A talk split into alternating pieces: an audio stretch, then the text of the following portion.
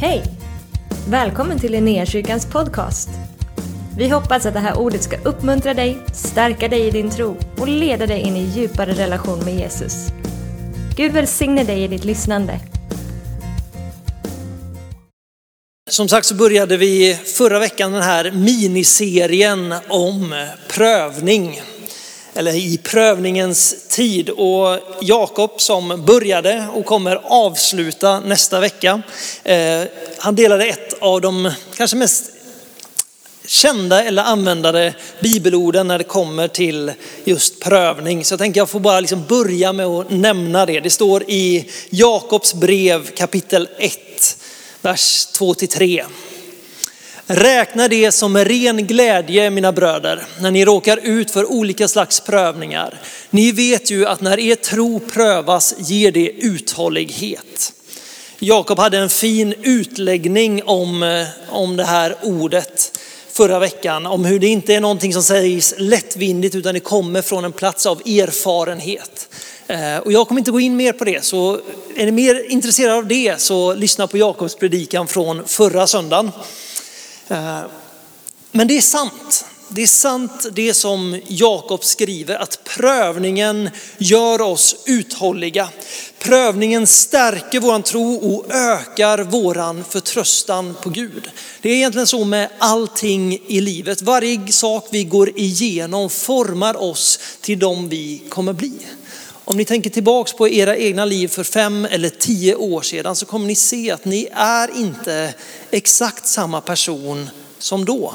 Livet har format eh, er. Motgångarna som ni har mött formar oss till ja, men, nya människor. Vi utvecklas, vi växer. Och det är samma sak med prövningen i våran tro. När vi möter någonting så och vi tar oss igenom på andra sidan och vi ser tillbaks. För när vi står mitt i den där prövningen, då är det väldigt svårt att se tillväxt. Det är väldigt svårt att se mognaden. För i den prövningen så är det enda vi ser motståndet vi möter. Men när vi tittar tillbaks, när vi liksom har tagit oss igenom prövningen och vi står där på andra sidan, ja, men då kan vi se tillbaka. Vi kan se att Gud var med genom hela resan. Gud har lett oss igenom. Det är mycket enklare att se Guds hand över våra liv i backspegeln än vad det är när vi känner oss nedtryckta, när vi känner att det är kämpigt, när vi känner oss hopplösa och vi liksom bara kämpar för att hålla oss flytande. Då är det svårt att se Gud. Men när du tittar tillbaks på ditt liv så kommer du märka att han är den som har fört dig igenom. Och befinner du dig i en tid av prövning, av motstånd, av kamp just nu, så bara kolla på vart du är just nu. Du står fortfarande. Du är fortfarande flytande. Även om det känns som att du är på väg ner under ytan så vittnar ditt liv just nu om att Gud fortfarande håller dig uppe. Han håller dig fortfarande flytande. Och du kommer se en dag när du står på andra sidan att han har burit dig igenom. Men om vi ska vara helt ärliga om man läser den här texten, gläd er över prövningen, så är det väldigt sällan som vi känner den där glädjen när vi står mitt i prövningen. Det är väldigt sällan som vi känner liksom att yes, nu gör vi det här. Utan det enda vi längtar efter är att vara igenom på andra sidan. Några av de största prövningarna i mitt liv som man på ett sätt kan, liksom kan känna att Åh, jag önskar att jag inte hade gått igenom det där. är också de största lärdomarna och rikedomarna som har format mig till den jag är idag. Men det är tufft när vi är där. Det är tufft att försöka hålla sig flytande. Det är tufft att försöka kämpa sig igenom. Och så tänkte jag så här, okay, men vad ska man ta för bibelberättelse som pratar om prövning? Och man börjar liksom bläddra bland eh, gamla testamentets böcker och man märker det att varenda person som Bibeln liksom beskriver, som har en mer ingående berättelse om, varje person har gått igenom prövningar. Varje person har gått igenom kamp på olika sätt till att bli den gudsman eller gudskvinna som de sen är. Och jag har hört, jag vet inte vem som sa det först, eh, så jag säger inte det, men jag har hört att kollar man på varje stor gudsman eller gudskvinna så kommer du se att de går med en hälta, alltså de haltar. Eh, kanske inte fysiskt, men det, det uttrycket eller det, vad ska man säga, that saying kommer från berättelsen om Jakob, han som sen blir kallad Israel, om hur han brottas med Gud och får ett slag på sin höft så att han genom resten av sitt liv går haltandes. Varje person som i våra ögon är en stor gudsman eller en gudskvinna kommer ha gått igenom stora prövningar där deras tro har fått sättas på prov. Där de verkligen har fått bevisa att det är till Jesus som min tillflykt är. Det är Jesus som min styrka finns. Jag lovar er, om ni har någon sån som ni ser upp till om ni har förmånen att träffa den personen, fråga dem.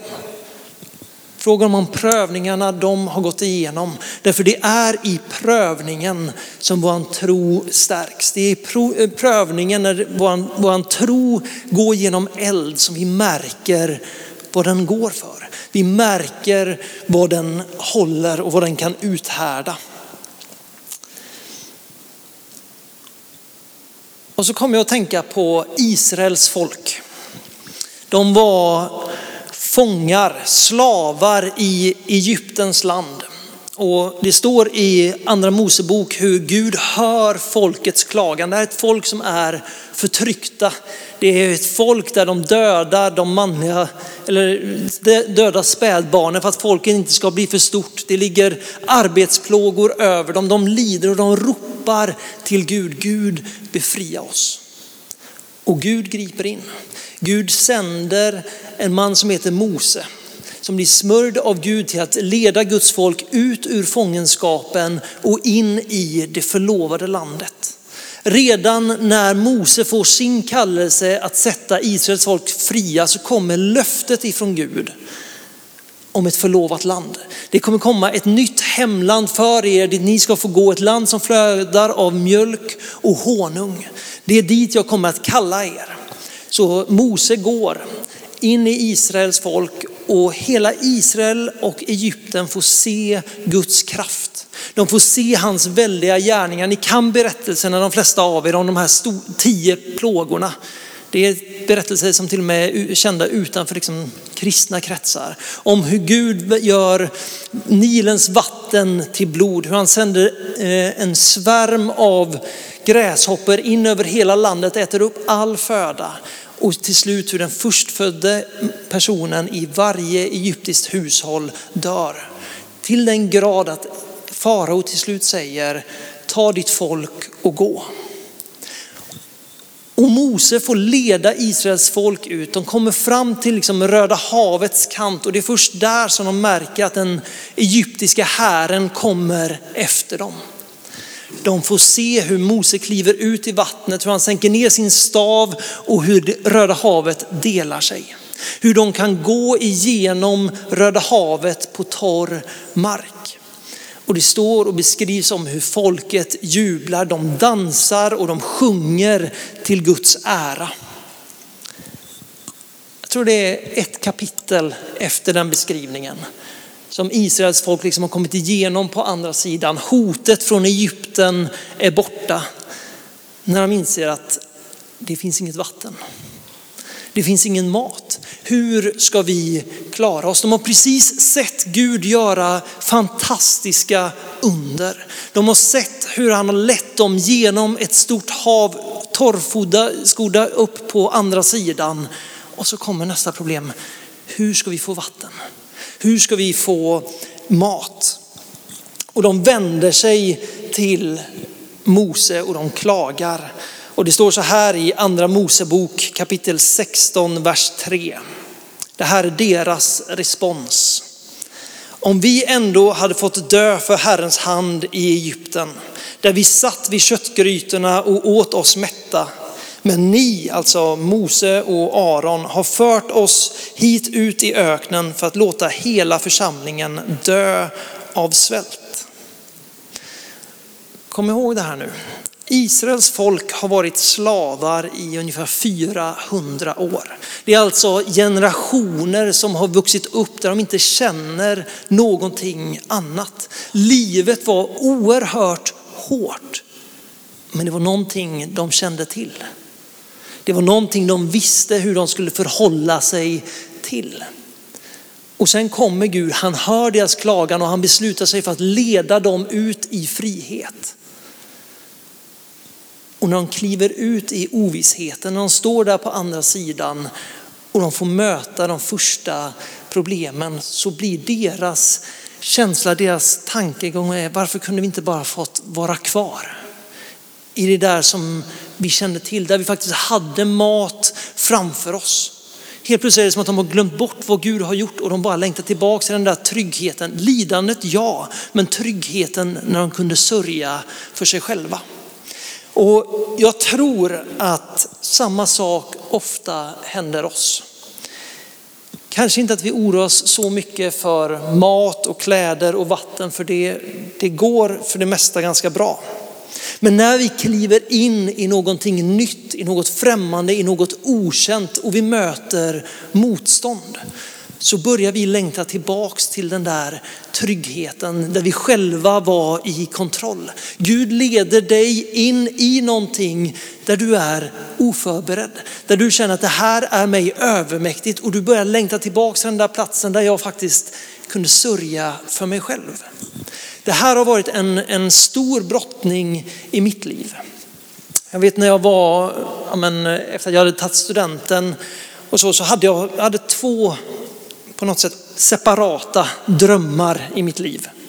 Den ena var att jobba som snickare, ha ett hus ute på landet, stora jackor, liksom bara kunna ha det gott. Den andra var att plugga teologi och bara liksom gå dit Gud kallar mig. Och jag kommer ihåg eh, en dag när jag satt på färjan till Lysekil och jag brottas med vad ska jag göra härnäst? Vad är mitt nästa steg i livet? Och jag liksom bollar de här två tankarna. Ska jag bli snickare? Ska jag läsa teologi? Vad ska jag göra om jag sedan har läst teologi? Och jag bara upplever den här känslan på insidan att jag behöver gå ut, jag behöver få frisk luft. Så jag går ut på färjan, en sån här stor bilfärja.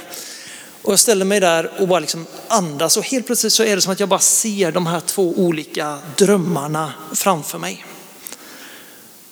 Och det som liksom går upp för mig, det som blir självklart för mig i den stunden är att den ena drömmen, den där jag är snickare, när jag har mitt hus på landet och jag sörjer för mig själv, är just det att den andra drömmen skrämmer mig. För om jag väljer att plugga teologi och sen bara gå dit Gud leder mig så har inte jag någon egen kontroll. Jag vet inte vart jag kommer hamna, jag vet inte vilken världsdel jag kommer vara i, jag vet inte vad mitt liv kommer att bli. Och inte för att det är fel med att bli snickare, jag kan fortfarande längta efter att bli snickare ibland. Men för mig i den stunden så blir det så tydligt att den ena drömmen handlade om att jag kan ta vara på mig själv. Att jag vet att jag kan jobba och slita så att jag har mat på bordet, jag kan ha hus, jag kan ha familj och allt det där. Den andra drömmen är ett steg att ställa sig, Gud du får leda. Du får ta mig dit du vill att jag ska ta och jag har noll kontroll över situationen. Och det här är en kamp liksom som under flera år återkom där. När jag liksom hade gått in på den här vägen och så kommer de här tankarna på nytt. Vad ska jag göra härnäst? Vad är nästa steg? Jag kanske borde ha gjort det andra, det trygga och det säkra.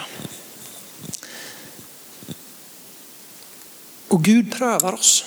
Gud kommer att ta oss till platser där vi får välja att förlita oss på honom eller att försöka trygga vår egen framtid. Att försöka stå på våra egna ben med kontroll över vårt liv. Men vill vi se mer av hans rike så måste vi faktiskt våga ta steget ut i det där tomma intet och lita på att han fångar oss. Lita på att han leder oss vidare steg för steg. Du kommer inte få hela liksom vägen utstakad framför dig, men det du ser är ryggtavlan på honom. Att det finns någon att ta rygg på, det finns någon att gå efter. Jag tror det är samma sak som Israels folk på något sätt kände här. Det, finns, det fanns en trygg plats, den var hård, den var inte lätt, den var inte glamorös, men jag vet vad jag får. Nu står jag i det okända och jag har ingen aning om hur jag ska klara det. Gud svarade med manna från himmelen. Han svarade genom att skicka in vaktlar i lägret. Han svarade genom att det kommer vatten ur klippan så att folket får dricka. Men gång på gång på gång så kommer de här osäkerheten upp i Israels folk igen. Gång på gång så uttrycker de samma sak. Vi borde ha fått stanna kvar. Vi borde ha fått vända om.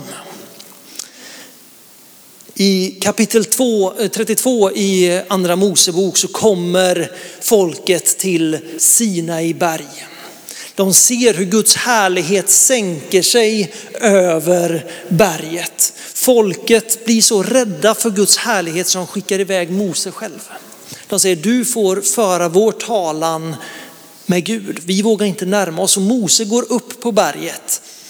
Folket väntar nedanför och det dröjer. Mose blir kvar. Och nu snackar vi, i deras fall så snackar vi dagar och veckor. Vi snackar inte år. Men trots allt det de har fått se, de har fått se bröd regna från himmelen. De har fått se hav dela sig, de har fått se vatten tränga ut ur klippan. Och en liten stund, trots att Guds härlighet är precis där borta, så känner de sig vilsna därför att Mose inte längre är med dem. Och det står så här ifrån kapitel 32. När folket såg att det dröjde innan Mose kom ner från berget samlades de kring Aron och sa till honom, kom och gör oss en gud som ska gå framför oss. För vad som har hänt den där Mose som förde oss upp ur, ur Egyptens land, det vet vi inte. Då sa Aron till dem, Ta guldringarna som era hustrur, era söner och era döttrar har i öronen och ge dem till mig. Då tog eh, allt folket av sig guldringarna som de hade i öronen och bar dem till Aron. Han tog emot guldet och formade det med en mejsel och gjorde av det en gjuten kalv. Och de sa, här är din Gud Israel som har fört dig upp ur Egyptens land. Jag tror att de flesta av oss på ett eller annat sätt har upplevt den här känslan när Gud dröjer. Eller när Gud är tyst. Man inte vet vad det är som händer, man känner inte hans närvaro, man hör inte hans röst, man ser inte hans ledning. Och den där osäkerheten kommer krypandes. Jag säger inte att vår reaktion oftast blir att vi liksom börjar bygga en egen gud av guld och silver. Men det finns en frestelse i den där stunden av väntan på Gud. Att vi återigen försöker bygga oss vår egen trygghet. Vi försöker hitta någonting som får ersätta den där platsen som Gud har i våra liv. Någonting att fly till, någonting att fly in i. Någonting att döva ovissheten.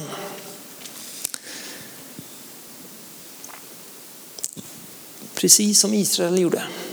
De byggde sig en guldkalv, tillbad den och sa att du är våran Gud för att för dem så gav det en trygghet. Det finns någonting här att förhålla sig till.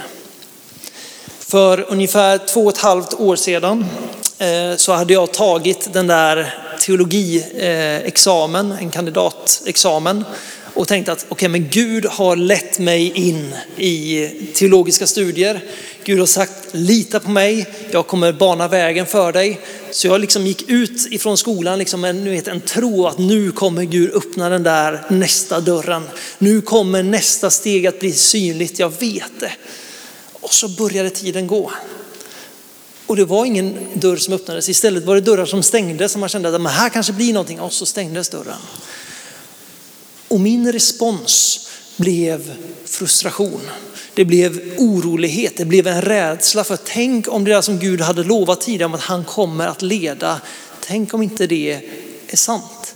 Tänk om jag nu står här och liksom satsat allting på ett kort och så svarar inte Gud. Så jag kommer ihåg det här för två och ett halvt år sedan. Jag gick upp till Jakobs kontor. Jag tänkte nu ska jag liksom få sätta min frustration i ord och bara liksom se om jag kan få någon form av vägledning. Och det Jakob svarade var, med inte exakta ord nu, men andemeningen var ungefär, det är nog på tiden för dig att gå igenom en sån här prövning. Man bara kände yes, halleluja. Det som var Jakobs poäng in i mitt liv där, för jag hade tidigare i mitt liv ändå väl alltid känt en väldigt tydlig ledning. När jag avslutade en sak och skulle gå in i någonting nytt så visste jag vad Gud kallade mig till. Jag hade den där tryggheten på insidan om att det här är mitt nästa steg. Och helt plötsligt står jag i en period när ja, men Gud kanske inte kändes långt borta men jag upplevde inte att jag hörde honom tala. Jag upplevde inte hans ledning. Och Jakobs respons är, det är bra att du blir prövad. För i den stunden, vad hände med mig? Jo, men min frustration växte. Min oro eh, växte och återigen var jag tillbaka på den där platsen. Vem ska sörja för mig? Svaret är, men det ska Gud. Det är hans löfte. Han har lovat mig och han har lovat dig att han ska leda dig vidare. Han har lovat att han ska förse dig med det du behöver. Men när de yttre omständigheterna gör det omöjligt för oss att se den vägen så får vi så lätt panik. Och i den stunden så kan jag då utvärdera och se på min egen tro och säga, okej okay, men vart satte jag egentligen den där tilliten? För att Gud just nu dröjer, för att Gud just nu inte banar den där vägen så tydligt så att jag kan igenkänna den. Har han då glömt bort mig? Är det vad jag tror om Gud på riktigt? Är det den Gud som jag bekänner? Nej. Han är den han säger att han är. Det som händer i prövningarna, och vi kommer alla möta prövningar, stora som små, det är att det visar vad vår tro går för. Vad är det jag egentligen tror om Gud? För när jag blir rädd, när jag blir orolig, när jag känner mig svag så har jag en förmåga till att göra Gud mycket mindre att begränsa honom ut efter mina omständigheter. När allting går bra, men då är det lätt att tro. När jag känner liksom att jag har jobb, jag har ekonomi, jag har en god församling, jag har familj som är hälsosam. Det är lätt att tro att Gud är den han säger att han är. Men i prövningens stund när allt det där känns som att det går åt fel håll så är det mycket svårare. Och vad är det då, får jag fråga mig själv, som definierar vem Gud är? Är det vem han säger att han är eller är det mina omständigheter, mina erfarenheter, min osäkerhet? Ni vet det kom en, en dag efter 40 år i öknen när Gud väljer att leda Israel in i det förlovade landet. In i landet som han hade lovat dem 40 år tidigare.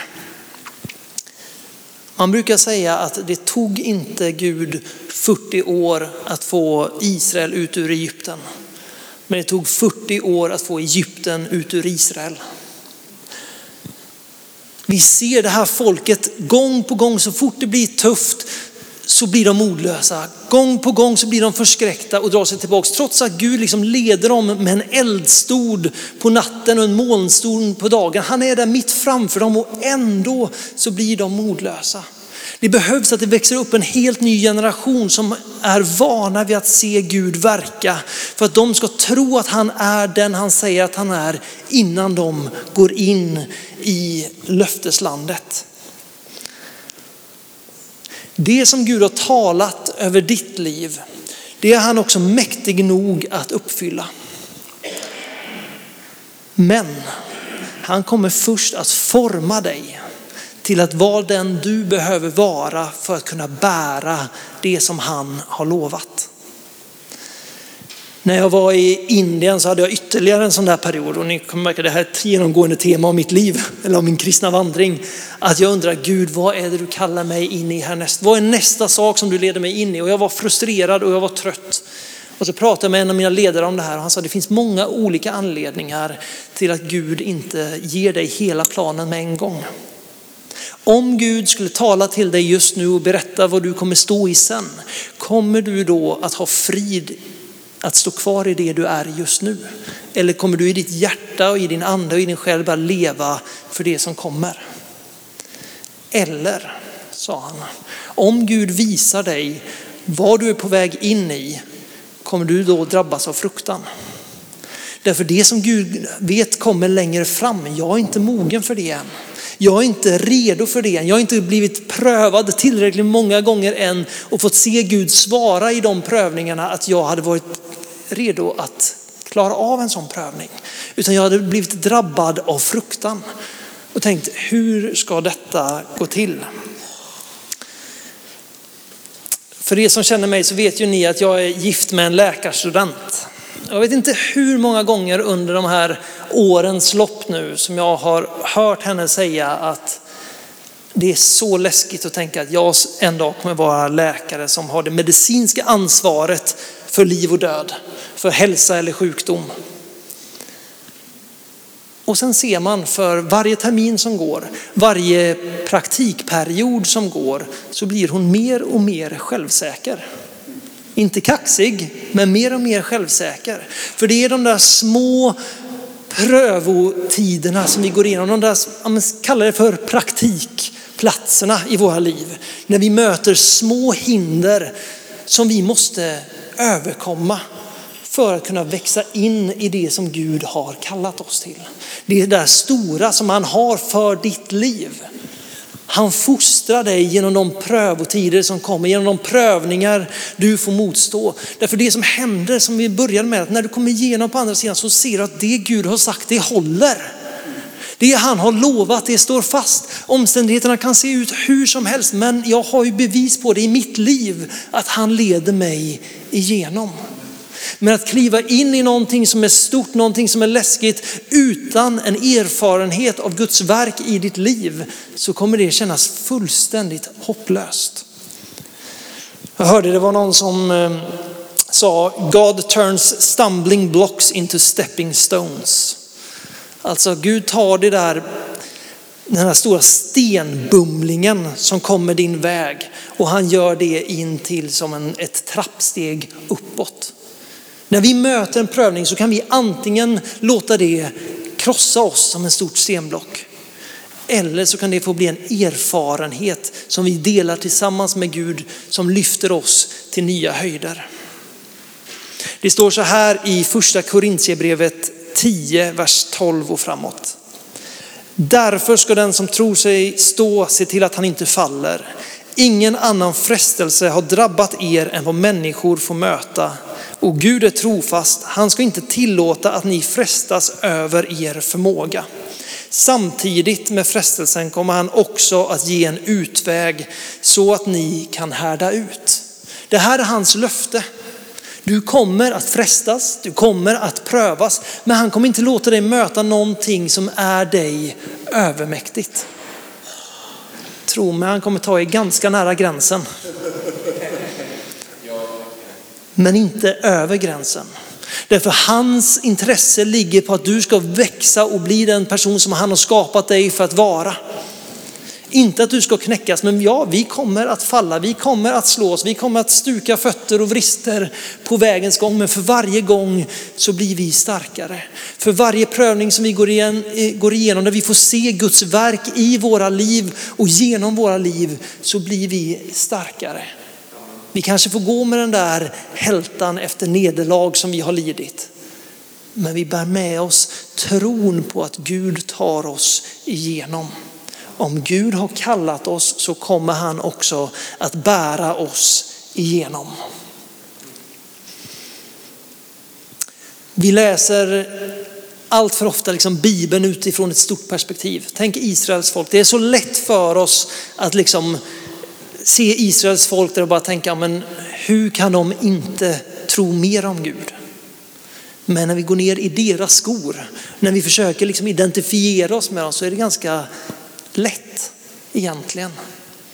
Ta Josef, en av eh, Jakobs tolv söner. Han fick ett löfte, eller han såg en syn ifrån Gud när han var väldigt ung. Om hur hans, sö, eh, hans bröder och hur hans pappa skulle böja sig inför honom. Han blev såld som slav. Han eh, blev oskyldigt dömd till fängelse där han satt i många år. Där snackar vi inte små stenar som ramlar över honom utan det är stora hinder i hans väg. Trots det så står det när vi läser hans berättelse hur han alltid var trogen Gud. Hur han alltid gjorde det bästa av situationen och en dag så lyfte Gud upp honom och han blev faraos högra hand. Vi snackar alltså majoriteten av hans liv i fångenskap och i fängelse. Men Guds, Guds löfte blev fortfarande sant. Vi kan låta en sån sak knäcka oss. Eller så kan vi vara trogna och sätta vår tillit till att det Gud har sagt kommer att ske. Bara ta, vi ska avrunda här nu, men bara ta en, en sista berättelse som många av er känner igen. David och Goliat. Då har Goliat en stor filisté som var större än alla andra män, som hade vapen som ingen annan typ orkade lyfta, som står och hånar Guds folk.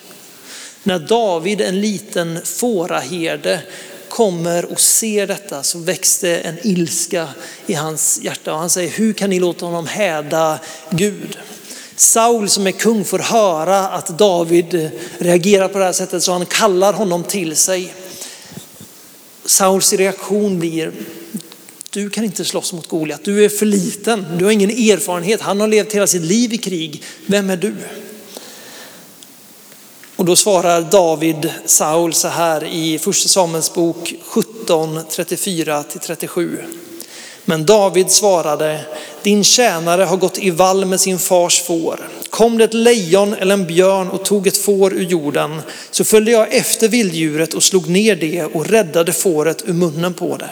Om vilddjuret då reste sig mot mig så grep jag det i manen och slog det och dödade det. Din tjänare har slagit både lejon och björn. Det ska gå den där oomskurne filisten som det gick vartenda ett av djuren. För han har hånat den levande Gudens här. David sa vidare, Herren som räddade mig från lejon och björn, han ska också rädda mig från den där filisten. Då sa Saul till David, gå och må Herren vara med dig. David när han möter den här krigaren så har han en erfarenhet av att Gud bär igenom, av att det är Gud som krigar för honom. Han har mött björnar och lejon och alla andra märkliga djur. Och varje gång så har Gud tagit honom igenom. Så när han möter liksom den där största prövningen, det där största motståndet som han ännu har erfarit i sitt liv, så har han erfarenheten av att Gud bär igenom. De där små sakerna, precis som Josef som var trogen i det lilla, blir satt över mycket. David har gått igenom små prövningar som har förberett honom för det stora. Vi kommer att möta olika prövningar, stora som små, livsförvandlande prövningar och prövningar som vi knappt kommer reflektera över. Men vägen igenom prövningen är alltid densamma. Närmare Jesus. Vad vi än möter, hur det än ser ut, om det är stort och läskigt eller om det är ensamt, så finns det en väg och det är in i intimitet med Jesus, dra sig närmare honom. När han är tyst, vad blir vår reaktion? Vi söker honom ännu mer. När vi känner att vi har ingen ledning, vi försöker inte hitta ledningen någon annanstans, vi försöker hitta ledningen i honom. Vi söker oss närmare honom, vi lyssnar mer, vi ber mer, vi ropar mer. Vår reaktion i en prövning måste alltid bli Jesus. Därför det är han som kommer ta dig igenom. Det är han som kommer ge dig styrkan till att inte ge upp. Att försöka möta prövningarna som kommer vår väg i egen kraft, det kommer lämna dig som en bruten man eller kvinna. Men när vi kommer och låter Gud göra sitt verk i oss så blir den där prövningen någonting som styrker våran tro. Det blir en erfarenhet av att Gud håller vad han har lovat. Det blir någonting som vi sen kan luta oss på, eh, tillbaka på när nästa storm kommer. En erfarenhet av Gud. Inte en Gud i teorier där vi vet mycket om honom från predikningar eller vad vi själva har läst, utan han har visat för oss att jag är med dig. Jag verkar igenom dig. Och som sagt, det här är mycket lättare att se i backspegeln. Men när vi då möter nästa prövning så har vi en erfarenhet av att han är med. Vi har en visshet av att har han hjälpt mig tidigare, varför skulle han låta mig falla nu? Han blir styrkan i våra fötter. För varje prövning så kommer du lära dig mer om vem Gud är. Varje prövning kommer att stärka din tro och ditt hopp till Herren. Det är inte kul, men det är nyttigt. Det står så här i Filipperbrevet kapitel 1, vers 6. Och jag är övertygad om att han som har börjat ett gott verk i er också ska fullborda det till Kristi Jesu dag. Han gör sitt verk i dig. Han vill ta dig över och igenom prövningarna tillsammans med dig. För att du sen ska vara den person som har en så stark erfarenhet och tro på vem han är att han kan lägga ännu mer framför dina fötter. Det kanske inte är lätt att höra när man är i prövningens stund, när man har svårt att hålla eh, huvudet över ytan. Men vad är tillflykten då? Tillbaks till Jesus. Vad är det vi har att ta till? Tillbaks till Jesus. Alltid tillbaks till Jesus. Han är vårt hopp. Han är vår frälsare, vår befriare. Han är vår framtid. Det är i honom vi finner kraften till att fortsätta. Och det är när vi finner honom i prövningens tid som tron växer. Som hoppet till honom befästs och förstärks. Du kommer gå igenom prövningar om du inte är i en just nu, stora som små. Han kommer att bära dig igenom för han kommer inte låta dig frestas eller prövas över din egen förmåga. Det enda jobbiga är att din egen förmåga bygger på att du tar hjälp av honom. Det bygger inte på att du ska stå rakryggad och försöka hålla ut, utan det handlar om att när trycket kommer, fly till honom. För med honom är allting möjligt. För honom är allting möjligt. Varje prövning är möjlig när du flyr till honom. När du tar din hjälp och söker din kraft i honom. När du sätter ditt hopp till honom. Amen. Vi kan väl göra så att vi ställer oss upp tillsammans Hörrni. Lovsångarna kan komma fram. Så ber vi tillsammans. Jesus, Herre, jag tackar dig för att du är vägen, sanningen och livet. Herre, jag tackar dig för att du är vägen igenom. Herre, jag ber för var och en av oss som just nu upplever att vi står i en prövningens tid, Herre. Om det är yttre eller inre faktorer, Herre, om vi känner oss vilsna eller eh, deprimerade eller nedtryckta här så bara be att du får komma och andas ditt liv in i den personen just nu Herre. Jag ber att de får känna styrkan växa sig starkare på insidan Herre. För att de känner att du är med. Herre jag tackar dig för ditt löfte om att du är med den personen precis där den personen är just nu Herre. Jag tackar dig Herre för att på andra sidan så kommer den personen ha en erfarenhet tillsammans med dig. Men jag ber att just nu in i den situationen Herre att du får komma komma och andas hopp och liv Herre. Och herre jag ber för, för de som inte upplever att de står i en prövning. Herre jag ber pröva dem. Jag ber Herre, inte mer än vad de klarar av Herre, men jag ber att de får möta situationer och omständigheter där de måste förlita sig på vem du är. Där de får se att dina löften håller, att det inte bara är ord och teorier utan det håller i verkliga livet. Att hänge sig åt dig, att förlita sig på dig Herre. Tackar dig för att du är vår tillflykt Herre. Tackar dig för att du är vår frälsning och vi ber Fader, dra oss närmare dig Herre. Dra oss närmare dig. Jag tackar dig för att du har sagt att inte genom någon människas styrka ska det ske utan genom din ande. Så Herre, jag ber att du får fylla på med din ande. Herre. Jag ber att i den här stunden här så får sorg bytas mot glädje, Herre. Svaghet får bytas mot styrka. Herre, vi ber, kom med ditt liv. Kom med ditt liv, Jesus. Herre, vi behöver mer av dig. Vi behöver mer av dig. Jesus, Herre, vi vill växa tillsammans med dig. Vi vill växa tillsammans med dig så helande kom och tala ditt liv in i oss. Hjälp oss att tro dina löften, det du har talat, det som just nu känns för stort, som känns omöjligt. Ge oss tron att lita på att du kommer bära igenom.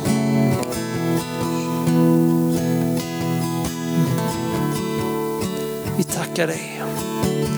I Jesu namn. Amen. Tack för att du har varit med oss. Hoppas du känner dig inspirerad av Guds ord och har fått nya perspektiv. Hör gärna av dig till oss och berätta om Gud har rört vid dig på något sätt. Vi är så glada att få höra vittnesbörd om vad Gud gör. Du kan mejla oss på adressen info och dit kan du även mejla om du har ett böneämne som du önskar att vi ber för. Eller om du har tagit emot Jesus och inte har någon bibel så vill vi mer än gärna skicka en bibel till dig. Skicka ett mejl med ditt namn och dina adressuppgifter till info så ser vi till att du får en.